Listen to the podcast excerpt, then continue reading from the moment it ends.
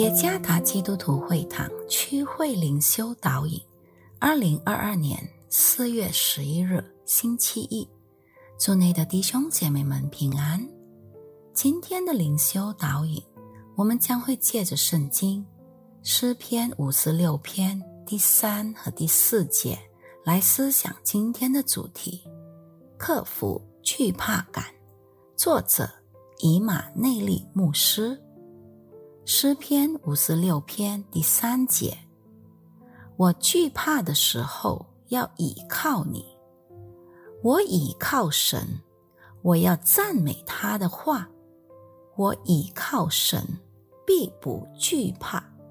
血气之辈能把我怎么样呢？恐惧是一种对威胁所产生的情绪反应。或者我们身体对危险的反应，惧怕感使一个人似乎无法保护自己，免受所面临的威胁。过度的惧怕感会使人沮丧，以至于他对上帝灰心失望。因此，一个人在他的生活中遭遇窘迫和挣扎时，能够克服他的惧怕感是非常重要的。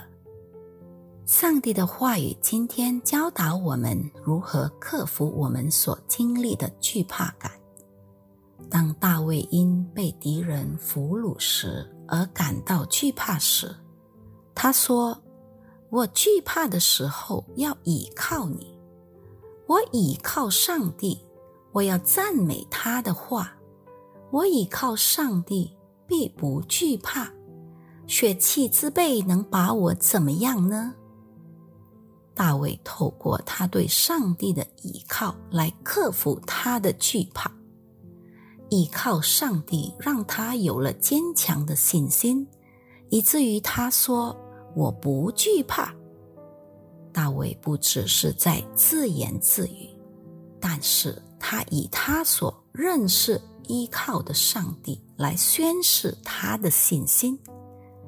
我们每个人在面对困难、挑战、疾病，甚至死亡时，必定感受过恐惧。然而，我们必须做的第一件事，就是来到上帝的面前，全然交托和在他面前承认我们所有的软弱。因为唯有亲近上帝，我们的心灵才能得安宁，常常感受到喜乐。当我们惧怕时，我们需要来到上帝面前，邀请圣灵来加添我们力量。我们应当意识到，我们是软弱无能的人，需要上帝的帮助。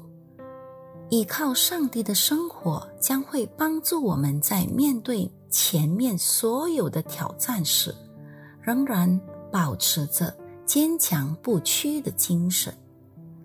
不要让我们的生活被恐惧的灵辖制。倘若我们对上帝拥有真正的信心，并持续思想他的话语，那么我们就无需活在恐惧中了。